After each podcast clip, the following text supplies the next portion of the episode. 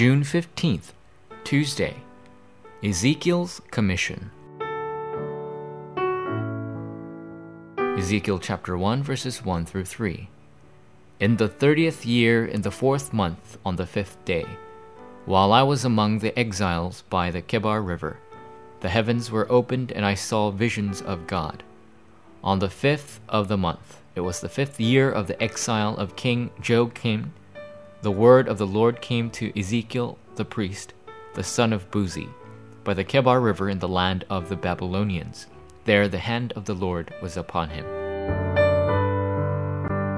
Currently, the entire world is searching for a leader who will give them an answer regarding the problems that have confronted the nations and individuals. The gospel that Jesus is the Christ is the eternal solution to be given to all nations and people. If you possess this answer, you can save countless people throughout the entire world. Joseph, who prayed amidst hardships, saw the answer of God being with him. Moses gained the solution from his mother at a young age and brought about the miracle of the Exodus.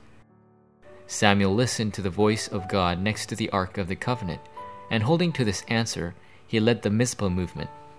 David grew in faith and honed his skills while tending to his flock. Elisha had the answer of the double portion of the Spirit.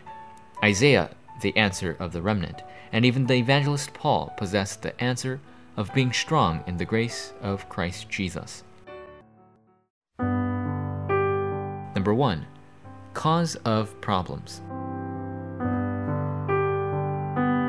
Because people do not have this answer, they are submerged in problems. They also fall into the path of corruption because these problems are not resolved. They fall deeper into drinking, clubbing, gambling, drugs, games, and money. However, no matter how far they go, their thirst will not be quenched. Some people possess everything but because they have yet to be satisfied, they fall into strange religions, idolatry, fortune telling, and shamanism. Number two, answer of the word. When Ezekiel was taken as a slave at the lake in Gebel, he held on to God's special message. Henceforth, an important work arose for Ezekiel. He received the commission of relaying the word to the Israelites, who were like dried bones. Wherever the word of life seeped into, it came to life. Number 3. Evangelist. The entire world is waiting for an evangelist to share the answer of the true gospel. If you correctly restore the gospel movement of the early church, you can save the world. You must change your Lord to Christ, who is the King of Kings you must wait for the manifestation of God's kingdom. He promised to give you power if you pray for the filling of the Holy Spirit.